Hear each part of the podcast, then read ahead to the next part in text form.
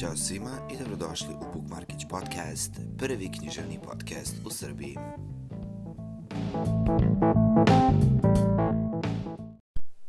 Još jednom zdravo. Uh, razmišljao sam da krenem ovaj podcast sa o, pa dobroveče, se mi poznajemo ili se ne poznajemo, ali sam skapirao da ipak neću da mešam uh, estradne skandale sa ovim podcastom.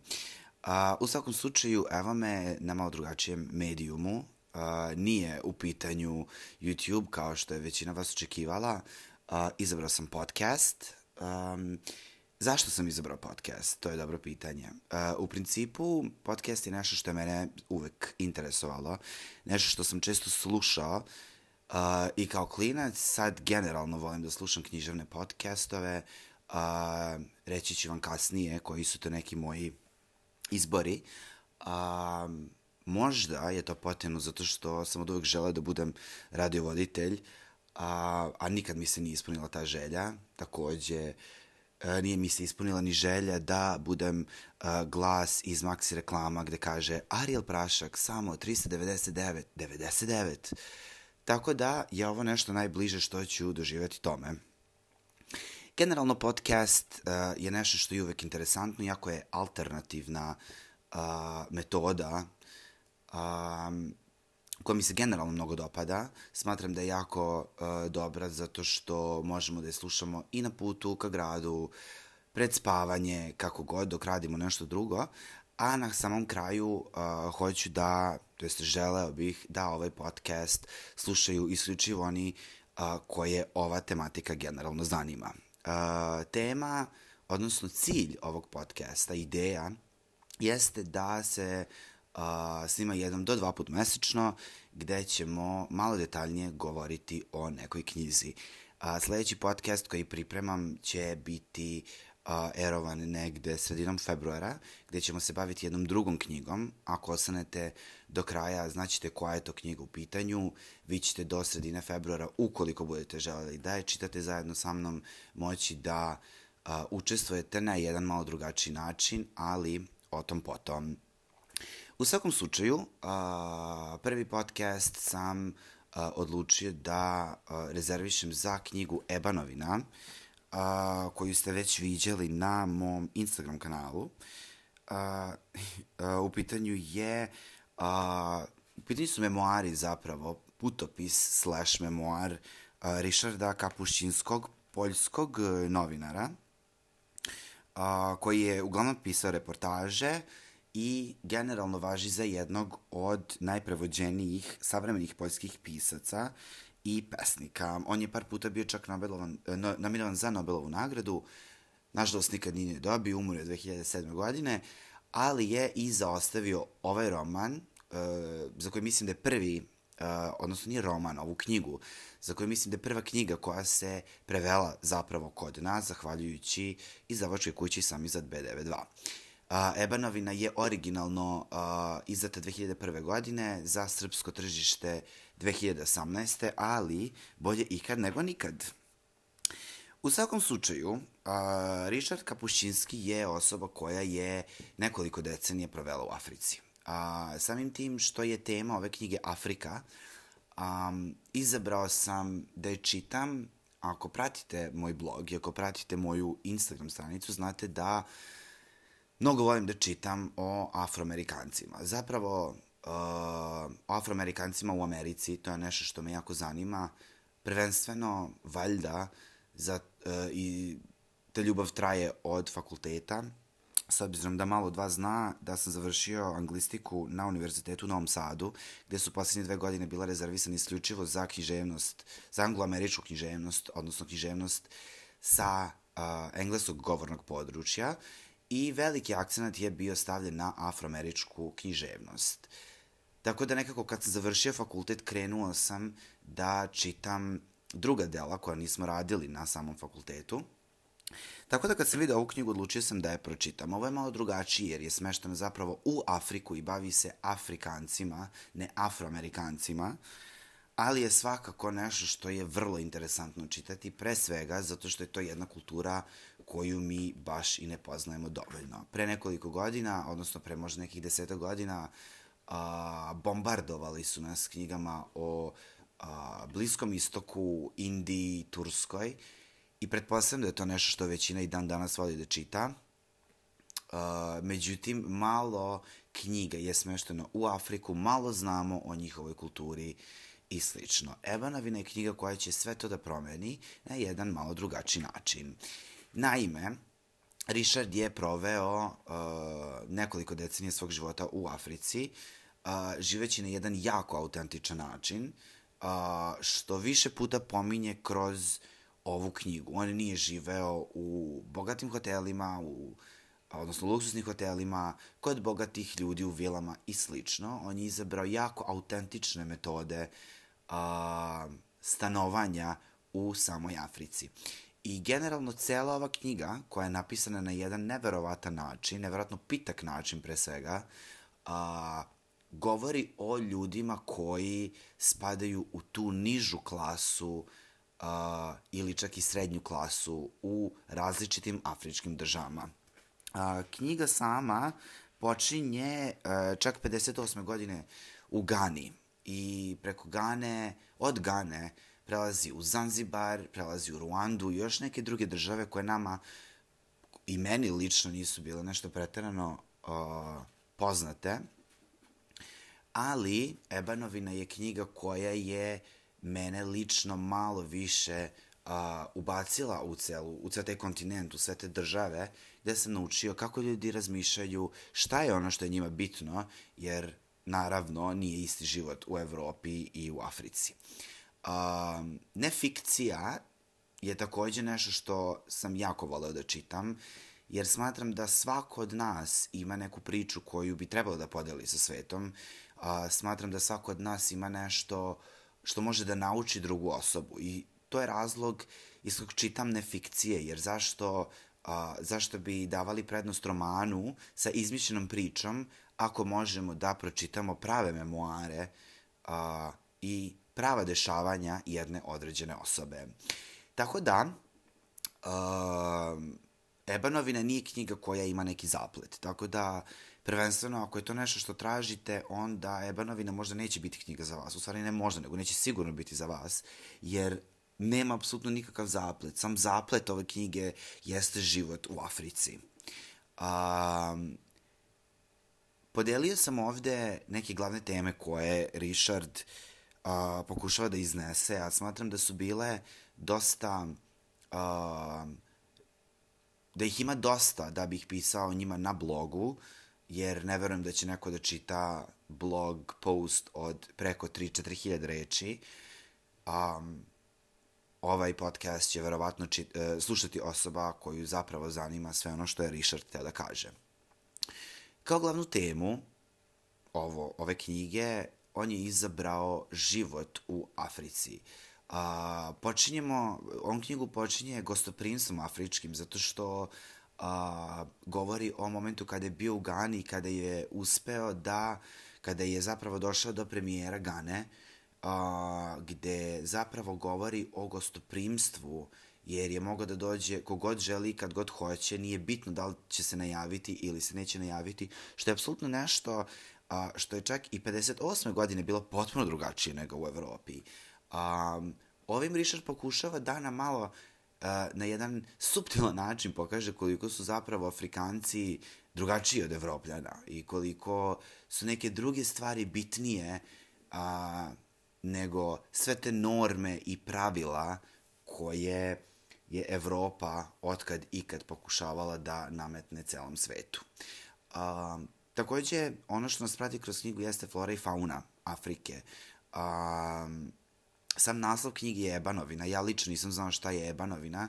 U pitanju je drvo, uh, odnosno prerađeno drvo određenog drveta, uh, koji se nalazi u Africi, ali i u drugim kontinentama, koliko sam uspeo da vidim.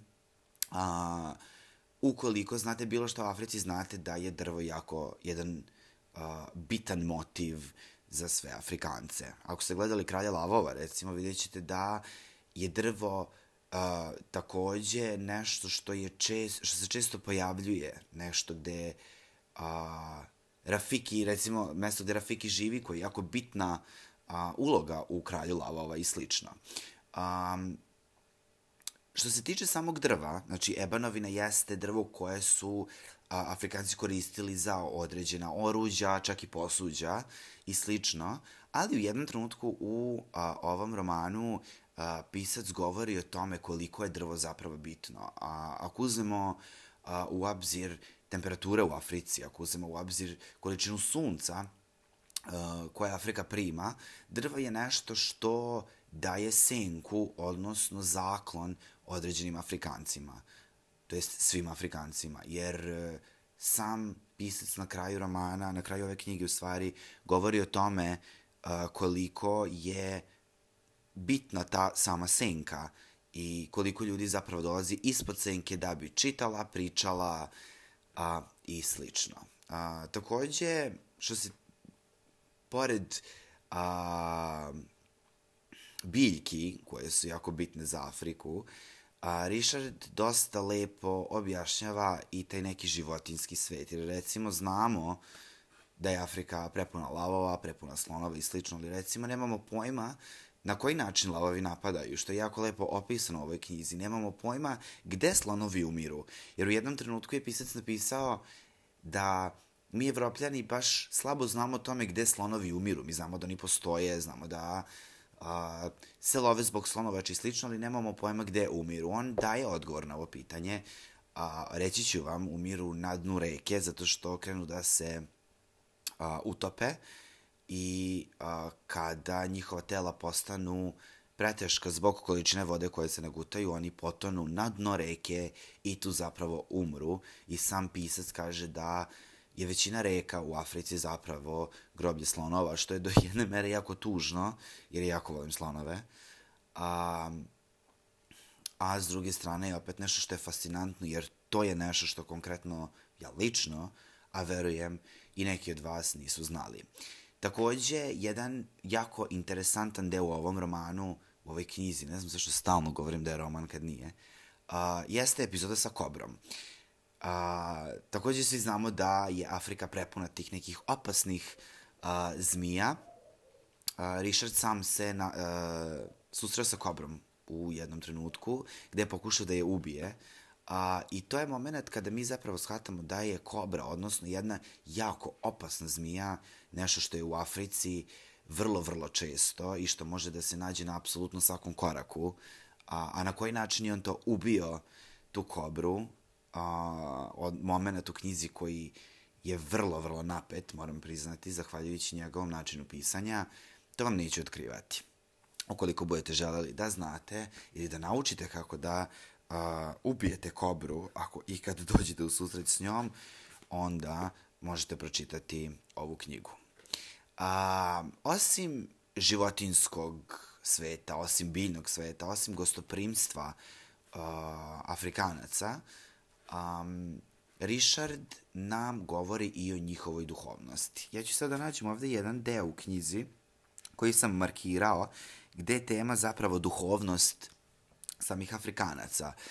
Uh, naime, znamo da je njihova kultura potpuno drugačija. To kako se kultura razlikuje ću da ostavim za malo kasnije, jer nije kultura u svakoj državi ovog kontinenta ista. On je generalno pisao o državama u kojima je bio, ali recimo u Gani konkretno, Afrikanci veruju da postoje tri različita međusobno povezana sveta, gde prvi svet čine opipljive stvari, kao što su životinje, biljke, ljudi, čak i mrtvo predmet, e, mrtvi predmeti kao što je kamen ili voda, a, gde druga Drugi povezan svet je svet predaka, što je izuzetno bitno zato što je predak nešto što je izuzetno bitno za afričku kulturu i to nekoliko puta srećemo u romanu.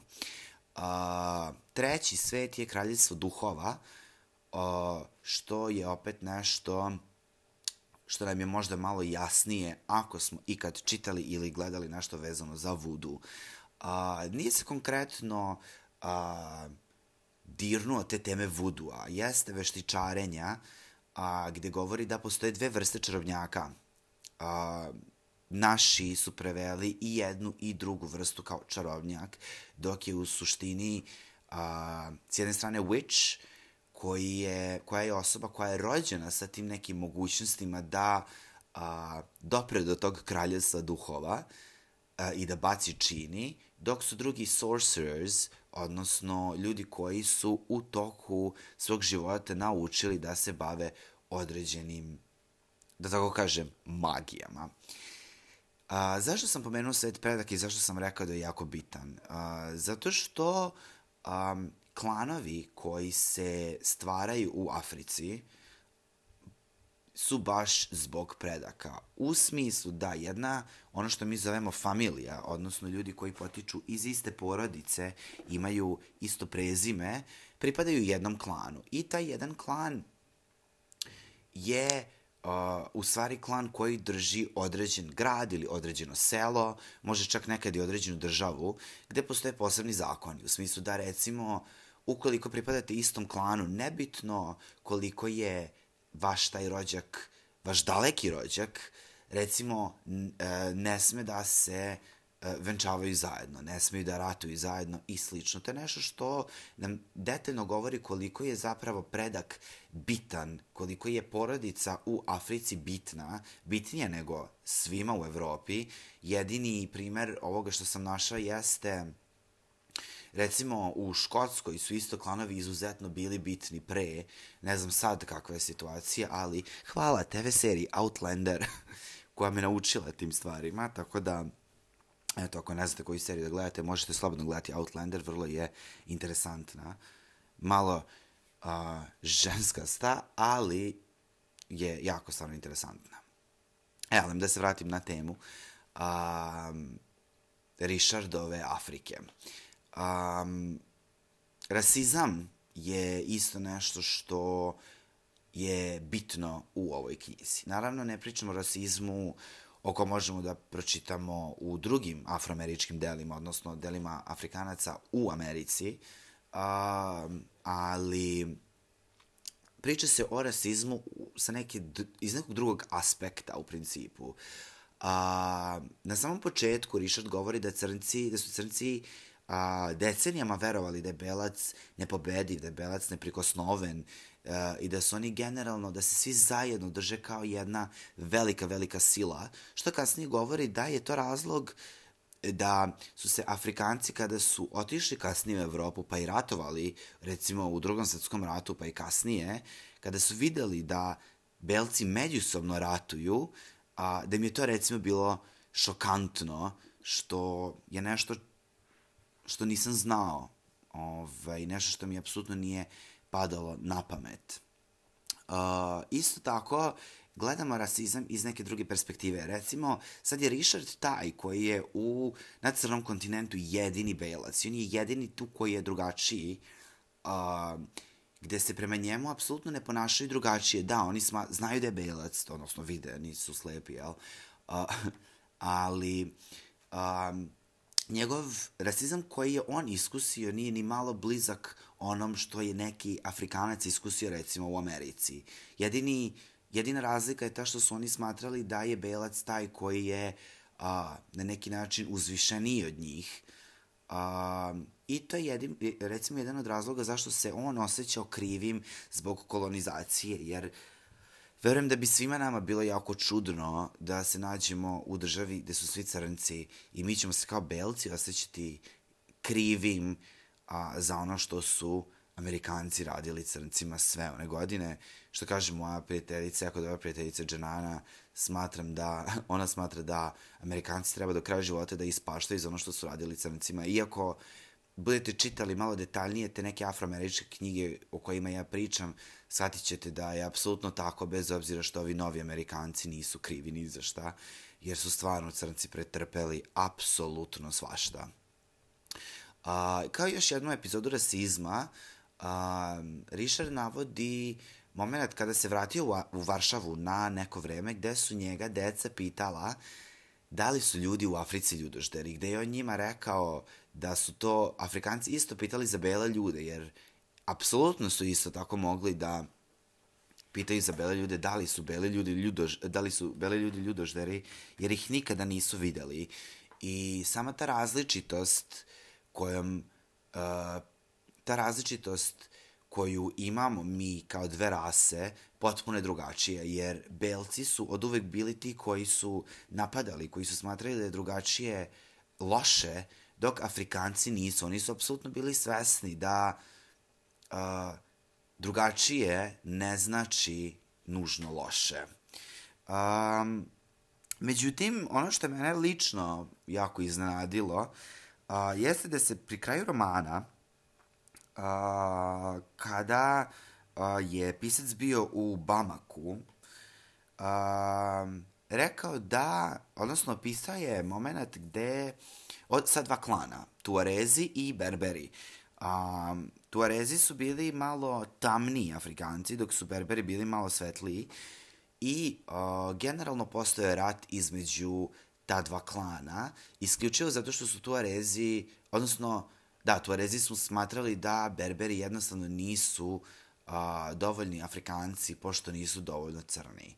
To je nešto što mene lično iznenadilo, jer nisam znao da postoji i uh, rasizam između uh, jedne rase, da tako kažem, što sam na kraju onda povezao sa um, sa nama konkretno i shvatio da nismo ni mi puno drugačiji, jer recimo ako uzmemo sad nek, ovu političku situaciju u Srbiji gde imamo s jedne strane a, vladajuću stranku, s druge strane opoziciju, koja treba da se drži zajedno, opozicije se rašprka na 15 različitih strana i međusobno ratuje bez apsolutno ikakvog problema, jer se svi bore za jedan jedinstveni cilj.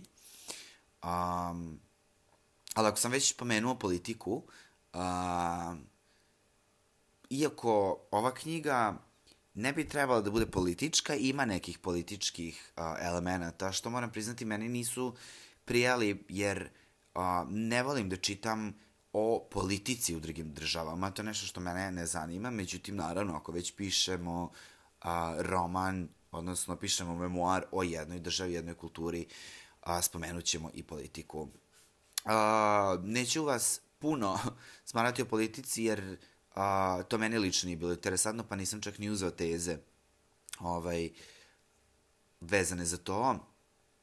Uh, dve, dve stvari koje su meni bile prilično fascinantne, koje je pisac uh, pominje, jeste da 66. godine u Lagosu je bila jedna jako velika revolucija. Uh, 60. godine u Africi su bile godine kada je Afrika najviše obećavala da će da postane jedan zaista napredan kontinent. Uh, zahvaljujući ratovima i drugim eksternim stvarima, to se nikada nije desilo. Afrika je ostala na istom tom nivou, možda čak i lošijem, ali recimo 66. godine u Lagosu, kada je bila ta revolucija, premijer i ministar su odvedeni od strane policije u nekom nepoznatom pravcu. Ni dan dana se tačno ne zna šta se desilo sa premijerom i šta se desilo sa ministrom. A, uglavnom, navodi se da većina veruje da su oni ubijeni, bačeni u neku reku, ali je jako fascinantno da 60. godina kada smo mi imali čak i televizore i svašta nešto, a, da u Africi recimo se nikad nije saznalo šta se desilo sa premijerom, konkretno Lagosa. A, druga stvar koja je bila interesantna jeste činjenica da je, odnosno razlog iz, razlog zbog kog ratovi u Africi vode konkretno deca. Uh, 12-godišnjaci, 13-godišnjaci, 14-godišnjaci, to je neki... Uh, to su neke godine kada uh, deca shvataju, odnosno deče, dečaci shvataju da moraju da ratuju, prvenstveno iz razloga zato što su svi stariji već ili pomrli u ratovima, uh, ili su pomrli od različitih bolesti i oni su jedini ostali koji a, moraju i mogu da vode rate, da to nisu žene. I on sam kaže da savremene ratove vode deca, što je apsolutno tužno s jedne strane, ali s druge potpuno razumljivo ako uzmemo sve ove faktore u obzir. Um, život u Africi je ono što se meni baš dopalo kod ovog romana, kod ove knjige. um, zašto? Zato što kroz ovih 200 i nešto strana Uh, upoznali smo život u različitim delovima Afrike. Uh, upoznali smo život kakav ne bismo mogli da upoznamo kroz neki roman, uh, fikcije, kroz neku reportažu, možda TV reportažu naravno, ali a, reportaža bi se snimala 2018. godine kada je sve drugačije nego a, u doba kada je Richard pisao. A, veliki gradovi u Africi su podeljeni na a, delove gde žive bogati ljudi, čak i neki evropski političari koji dolaze tu zbog svoje dužnosti i na siromašne delove. A, Richard konkretno je izabrao da u svakoj državi u kojoj je bio živi u siromašnom delu, jer je smatrao da je to autentičan način da će bolje upoznati grad, što se dokazalo kao tačno, jer a, upravo je to razlog zašto imamo ovu knjigu, jer je on pisao baš o tim seljacima i toj siromašnoj a, grupaciji ovog kontinenta.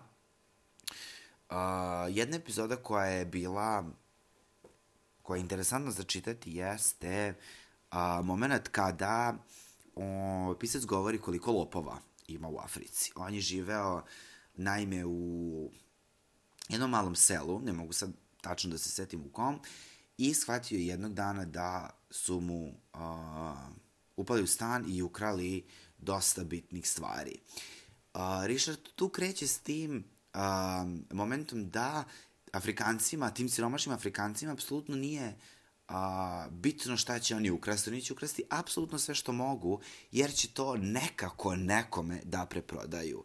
A, imamo epizodu sa ukradenim loncem gde a, je u komšiluku gde je živeo pisac, živala žena koja se bavila isključivo kuvanjem prosa i na taj način je zarađivala. Jedino što je imala kod sebe jeste bio taj veliki lonac koji je koristila da napravi proso, zatim ga proda kao uh, male obroke i zaradila dovoljno da kupi materijal, da napravi sutra proso i da prehrani sebe i dete.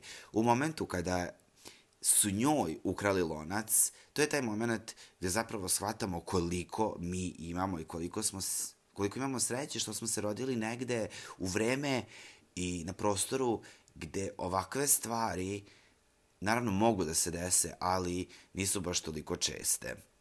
Takođe, a, jako je interesantan moment gužve u gradu, recimo, a, on pominje u istom tom selu, u centru, kada odlazi i vidi veliku gužu i nije mu jasno zašto, ali on shvata da ljudi u Africi nemaju cilj, nemaju da idu od tačke A do tačke B kao svi mi u Evropi, gde idemo od kuće do posla ili od kuće do grada ili da obavimo nešto ili slično. Jer Afrikanci ne rade tako. Redko koji Afrikanac ima stalan posao.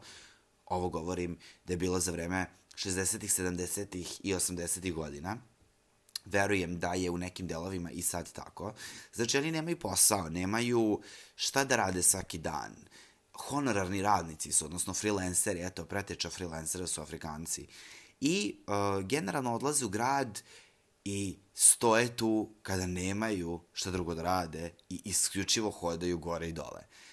Um, jedini, jedina razonoda koju oni imaju jeste odlazak na pijacu. Recimo, Richard govori da uh, se žene, uh, da žene oblače najlepše svoja odela i da nameštaju frizure recimo za odlazak na pijacu, uh, jer je to jedan event uh, koji uh, je jako bitan, jel?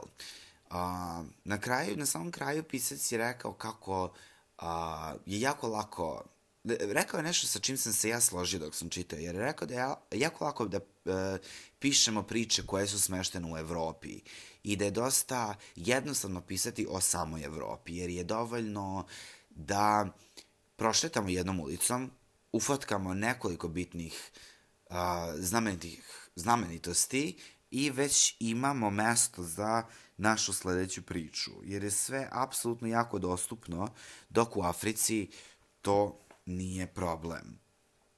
Uh, pisac kaže, oni koji pišu u Evropi imaju lag život. Pisac može, na primjer, da odsednu u Firenci ili da smesti tamo svog junaka. I istorije se bavi ostali, jer beskrajne teme daju mu dela starih arhitekata koji su podigli Firentinske crkve, vajara, autora neobičnih statua, bogatih građana koji su bili u stanju da podignu ukrasne renesansne palate. Sve to može da se opiše sa jednog mesta ili posle kratke šetnje po gradu. Na primer, stao sam na Piazza del Duomo. piše autor koji se našao u Firenci. I dalje može da piše i opisuje na mnoštvo stranice to bogatstvo stvari, dela, umetničke lepote, proizvode ljudskog genija i ukusa koji ga oda svud okružuju, koje svuda vidi, kojima je preplavljen. Na primjer, sada prolazi kroz Il Corso Borgo deli Albici, izvinjavam se na svom italijanskom, prema Michelangelovom muzeju i tako dalje. Što zapravo stvarno ima smisla. Uh, ako pogledamo, najveći broj limunade je smešten u Evropi, naravno i u Americi, ali a, ako želimo neku istorijsku limunadu, smeštit ćemo je u Evropi, smestit ćemo je u Evropu, izvinjam se na padežima, a, jer ćemo moći na mnogo lakši način da istražimo samo to mesto o kom pišemo konkretno. na samom kraju, Uh, vole bih da kažem da je Ebanovina, moj afrički život, stvarno knjiga koja će se dopasti apsolutno svima koji vole memoare. Smatram da je, iako možda nije najbitnije štivo za nas, smatram da je bitno uh, jer je ova knjiga način da se upoznamo sa nekom drugačijom kulturom, a, sa drugom kulturom i to pre svega kulturom koju ne viđamo često, jer ne znamo puno o njoj. A zašto ne bismo kad živimo na istoj planeti? A, zašto bi znali toliko bliskom istoku, a ne biste znali toliko o Africi samo zato što nije toliko komercijalna tema o kojoj mnogi pišu ili snimaju filmove. A, Ebanovina Uh, iako nema zaplet, napisana na jedan vrlo lep način, uh, vrlo pitak, stranice se jako lako okreću, zato što je svaka epizoda jako interesantna. Čak i one koje nisu toliko interesantne ne mogu da se preskoče bez a, toga da to utiče na nastavak našeg čitanja, jer ako nas ne zanima recimo politika u Lagosu, dovoljno je da preskočimo taj neki deo i nećemo imati problema sa razumevanjem ostalih stvari.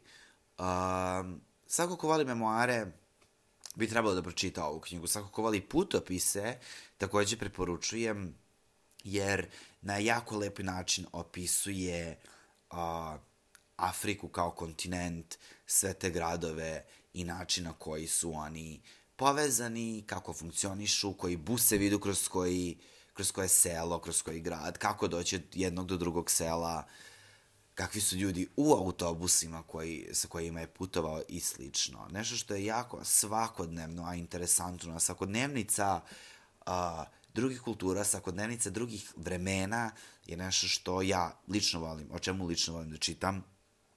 Prema tome mi se ovo dosta dopalo. Uh, Ebanovina može da se naruči, može da se kupi u knjižarama, čini mi se da košta 1100 dinara. Uh, ukoliko se uh, naruči preko sajta samizata B92 imate uh, popust i čini mi se da je cena negde oko 850 dinara. A, što se tiče sledeće, sledećeg meseca, uh, bavit ću se knjigom Kalje Papadaki i Dendriti, koju možete naći u izdanju izdavačke kuće Štrik. Nju ako poručite online, mislim da je cena oko 550 dinara, uh, govori se o jed, u pitanju je roman koji govori o jednoj grčkoj porodici koja odlučuje da emigrira u Ameriku i da tamo pokuša da pronađe način da živi američki san. Nešto što je jako interesantno, ukoliko ste čitali recimo Middlesex, verujem da će dendriti da nam se dopadnu, a, jer otprilike da je to jedna takva atmosfera. A, tako da, ukoliko budete želeli da na neki način učestvujete sa mnom u a, podcastu sledećeg meseca, preporučujem da a, uzmete sebi dendrite, pročitate, pratite uh, moj Instagram story gde ću detaljnije da vas kasnije upoznam s tim a, na koji način ćete i vi da učestvujete u tome, ali recimo da bi to mogao da bude jedan book club koji bi se dešavao jednomesečno. A, imate mesec dana jer drugi podcast planiram negde sredinom februara gde ću a, da se posvetim romanu Dendriti. A do tada možete poručiti Eba novinu, pročitati je jer jako interesantna ukoliko vas zanima to. Ukoliko ne toliko, nadam se da je ovaj podcast uspeo da vam na neki način približi uh, svu tu kulturu o kojoj vi konkretno niste, a ni ja, a niste znali mnogo. A, hvala vam što ste slušali. Ukoliko imate, ukoliko imate bilo kakve sugestije, a, ideje, predloge, možete mi pisati u DM na Instagramu. A, možete mi pisati i na mail office at bookmarkić.com zato što sam pre svega jedan biznismen. A, ovaj, I to je to. Nadam se da vas nisam smorio, nadam se da vas nisam uspavao jer je to nešto što moj glas generalno radi. A, ali ukoliko ste ostali do samog kraja i ukoliko, ukoliko ovo slušate, onda jeste znak da vam na neki način se ovo bilo interesantno. A, hvala još jednom i vidimo se na Instagramu.